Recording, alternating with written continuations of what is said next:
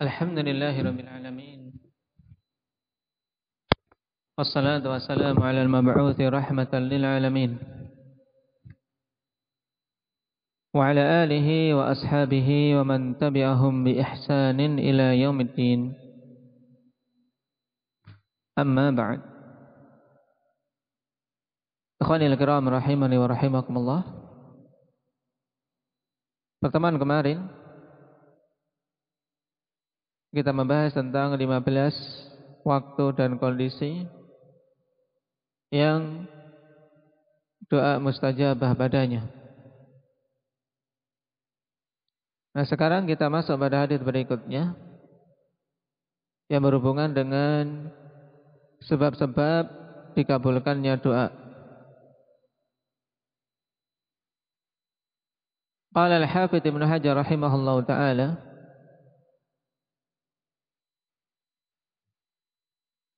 وعن سلمان رضي الله عنه قال قال رسول الله صلى الله عليه وسلم إن ربكم حيي كريم.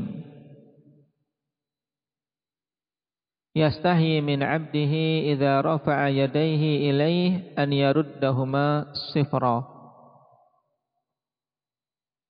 أخرجه الأربعة إلا النسائي وصححه الحاكم. Dari Salman Al-Farisi radhiyallahu anhu. Beliau mengatakan Rasulullah sallallahu alaihi wasallam telah bersabda, "Inna rabbakum hayyun karim."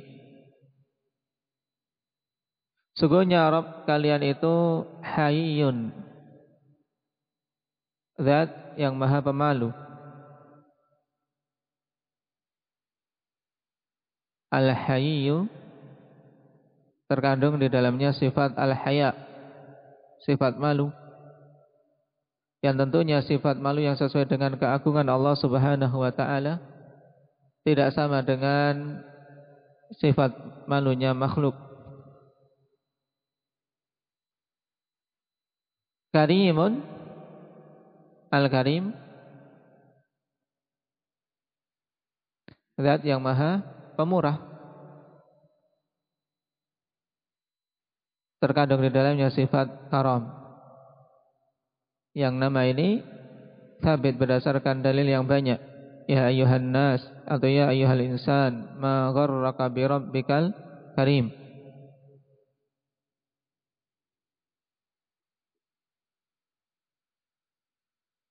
Sungguhnya Allah Subhanahu wa taala itu zat yang Maha Pemalu dan Pemurah yastahyi min 'abdihi idza rafa'a yadayhi ilaihi an yaruddahuma sihra.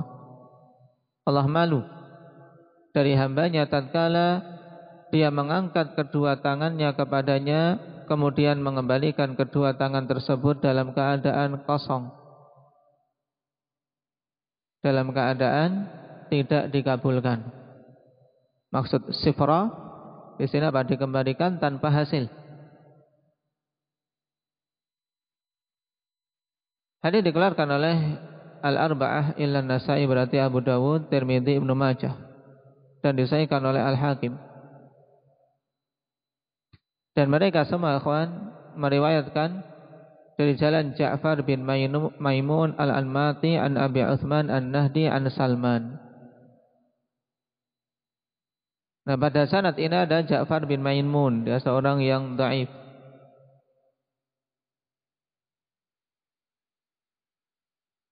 Yang meriwayatkan secara marfu dari Nabi.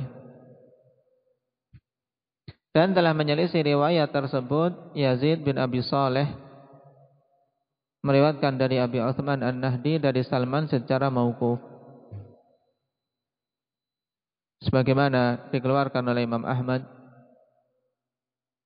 Demikian pula Ibnu Abi Syaibah.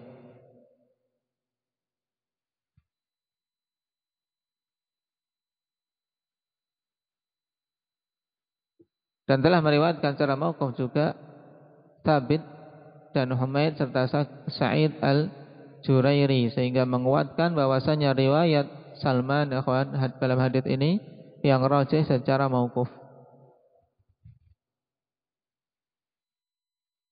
Sedangkan yang meriwayatkan secara marfu' Ini riwayat yang syadzah, ghairu mahfudzah.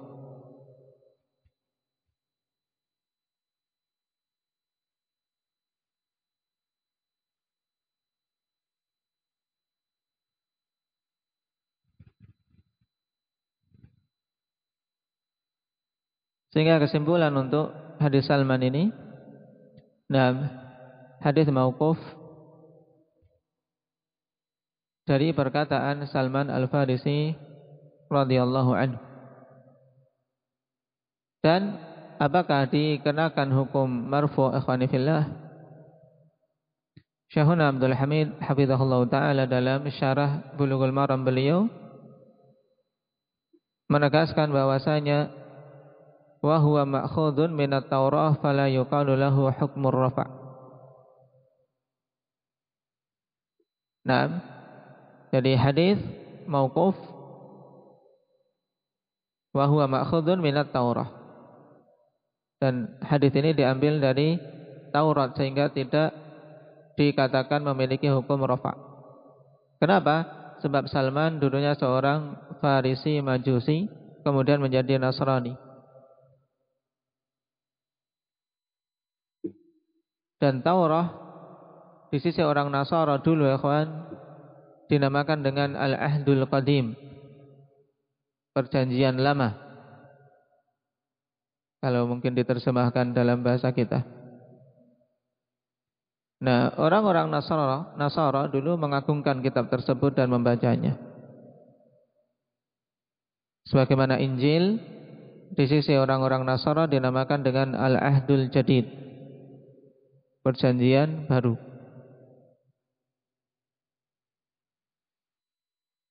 Dan dikarenakan Salman banyak dulunya ikhwan mengambil ilmu dari pendeta-pendeta Nasrani sebelum masuk ke dalam Islam, maka terkadang nah, tersampaikan dari perkataan-perkataan beliau apa-apa yang berasal dari Taurat. Wallahu taala alam. Sehingga ketika didapati yang seperti ini maka kita tidak mengatakan bahwasanya riwayat tersebut memiliki hukum marfu'.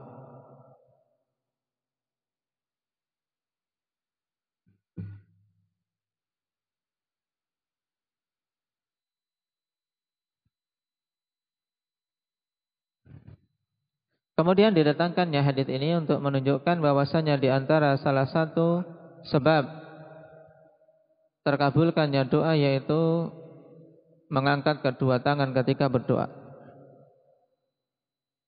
Nah, walaupun hadis ini tidak sabit secara marfu', tapi di sana ada riwayat yang sahih yang jelas menunjukkan bahwasanya mengangkat kedua tangan termasuk sebab dikabulkannya doa yaitu hadis Abi Hurairah radhiyallahu an dalam Sahih Muslim. Thumma dzakara rajul yutilu safar ash'atha aghbar yamuddu yadayhi ila as-sama' ya rab ya rab. Wa mad'amuhu haramun wa mashrabuhu haramun wa malbasuhu haramun wa ghudhiya bil haram fa anna yustajabu lidzalik. Kemudian Nabi sallallahu alaihi wasallam menyebutkan seorang Laki-laki yang dalam kondisi safar, pakaian lusuh, berdebu, mengangkat kedua tangannya meminta kepada Allah Subhanahu wa taala, "Ya Rob, ya Rob." Tapi makanannya dari yang haram, minumannya dari yang haram, pakaiannya dari yang haram, bagaimana mau dikabulkan? Nah, konteks yang seperti ini, ikhwan, menunjukkan bahwasanya seharusnya pada orang tersebut doanya dikabulkan seandainya tidak ada penghalang berupa perkara-perkara haram yang dia makan, minum maupun pakai. Kenapa? Karena terkumpul padanya sebab-sebab dikabulkannya doa berupa dalam kondisi safar ditambah lagi tentang mengangkat kedua tangan.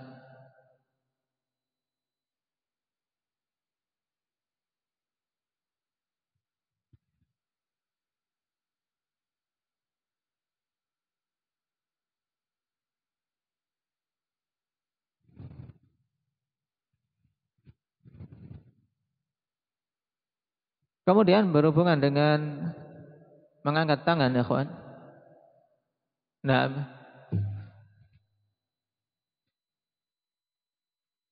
mengangkat tangan ini pada doa hukum asalnya masyru'. Hukum asalnya masyru' sebagaimana pada beberapa riwayat Nabi sallallahu alaihi wasallam mengangkat kedua tangan. Kecuali pada tempat-tempat yang memang Nabi Shallallahu Alaihi Wasallam berdoa dan tidak dinukilkan sama sekali beliau mengangkat tangan padanya. Maka di situ tidak disyariatkan untuk mengangkat tangan. Nah, seperti misalnya khwanifillah, nah, doa setelah apa? Setelah azan. Dengan banyaknya hadis yang mendorong untuk apa? Untuk mengikuti perkataan muadzin kemudian apa? berdoa setelahnya. Juga apa? Banyaknya peristiwa itu terjadi karena adzan dalam sehari enam, enam kali ya tidak bersama dengan adzan awal. Taib. Nah, tidak dinukilkan di sana Nabi Shallallahu Alaihi Wasallam mengangkat tangan. Menunjukkan bahwasanya pada kondisi tersebut, nah, tidak mengangkat tangan. Taib. Taib pada doa-doa yang sifatnya umum dan mutlak dalam artian seorang ingin meminta pada Allah Subhanahu wa taala pada kondisi yang nah, memang dia butuhkan. Maka kembali ke hukum asal dia disunahkan untuk mengangkat kedua tangan. Seperti apa? Misalnya doa antara azan dan iqamah. Dia meminta hajahnya kepada Allah. Kemudian doa di sepertiga malam terakhir. Atau doa ketika safar. Nah, dia ingin berdoa pada Allah. Angkat tangan. Nah, atau ketika terjepit. Nah, minta pertolongan, minta jalan keluar kepada Allah. Maka disunahkan mengangkat tangan. Ini tentang permasalahan mengangkat kedua tangan. Nah, hadis berikutnya masih berhubungan dengan mengangkat kedua tangan. Wa an Umar radhiyallahu anhuma atau radhiyallahu anhu qala Kana Rasulullah sallallahu alaihi wasallam idza madda yadayhi fi du'a lam yaruddahuma hatta yamsaha bihima wajhah. Akhrajahu Tirmidzi. Wa lahu syawahid minha hadis Ibnu Abbas radhiyallahu anhuma inda Abi Dawud wa ghairihi wa majmu'uha yaqdi bi annahu haditsun hasan. Nah, ini hadis penting untuk diingat bersama dengan ilahnya ya kawan. Karena banyak amalan kaum muslimin dibangun di atasnya. Sehingga seorang talib dan secara umum seorang sunni hendaknya betul-betul mengetahui hadis ini sehingga bisa menjelaskan kepada mereka-mereka yang beramal dengannya. Atau mungkin mereka sama sekali tidak pernah mendengar hadis ini, yang penting ngikut orang saja setelah berdoa mengusapkan tangan ke wajah. Biasanya itu cuma ikut-ikutan. Dan ternyata datang hadis ya. Yang sedikit pintar akan apa? Mengatakan Al-Hafidh Ibnu Hajar menghasankan hadis dari Umar radhiyallahu anhu beliau mengatakan dulu Rasulullah sallallahu alaihi wasallam apabila menengadahkan kedua tangannya di dalam doa tidaklah mengembalikan keduanya sampai mengusap dengan kedua tangan tersebut wajah beliau. Ini setelah berdoa diusapkan ke wajah. Dan ini amalan kebanyakan saudara-saudara kita kaum muslimin di negeri ini. Hadis dikeluarkan oleh Imam Tirmidzi memiliki penguat-penguat di antaranya hadis Ibnu Abbas.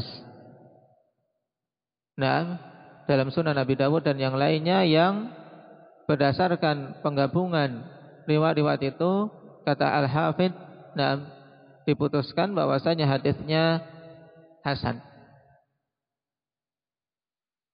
Taib. Kita perhatikan untuk hadis yang pertama dari hadis Umar.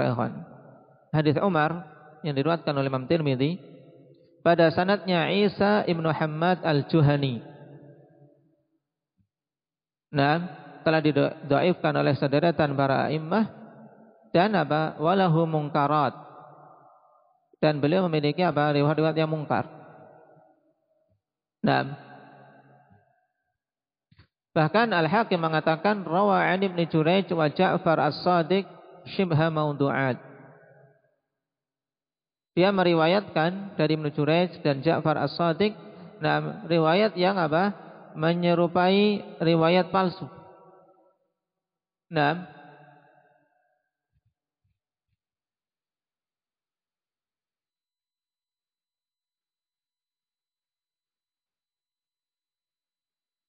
Taib. Sehingga untuk riwayat hadis Umar ini dhaifun mungkar. Kemudian untuk penguatnya dari Ibnu Abbas dalam Sunan Abi Dawud datang dari jalan Abdul Malik bin Muhammad bin Aiman. An Abdullah bin Ya'qub bin Ishaq. Amman haddathah. Nah, ini ada seorang perawi yang mubham an Muhammad bin Ka'ab al-Quradi an Ibn Abbas radhiyallahu anhuma. Taib. Dalam riwayat ini ada bentuk perintah. Wasallallaha bi putuni akuffikum wa la tas'aluhu bi dhuhuriha fa idza faragtum famsahu biha wujuhakum. Syahidnya apabila kalian telah selesai dari meminta kepada Allah berdoa, maka ucaplah dengan tangan-tangan kalian wajah-wajah kalian.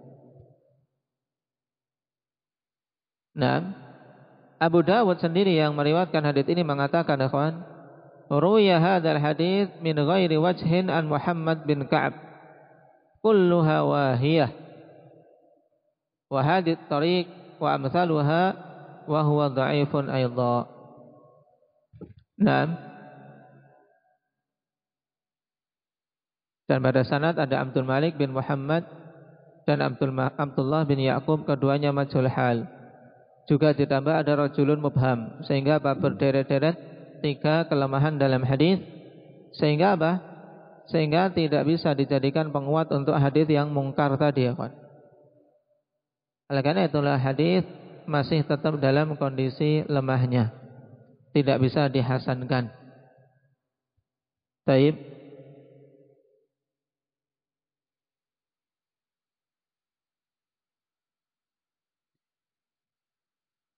Sehingga dari sini kita ketahui bahwasanya mengusap wajah dan setiap selesai doa khonifillah dan merupakan amalan yang tidak dibangun di atas dalil yang sahih.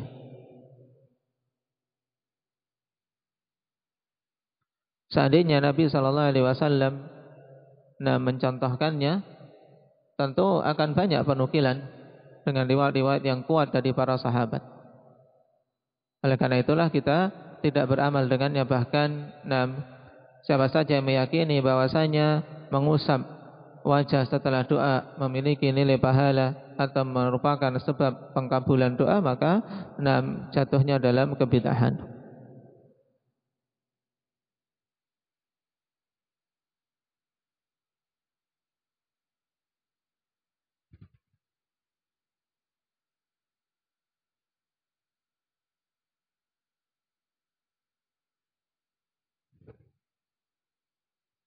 Dan di sana kalau kita perhatikan ada sebagian ahli ilm yang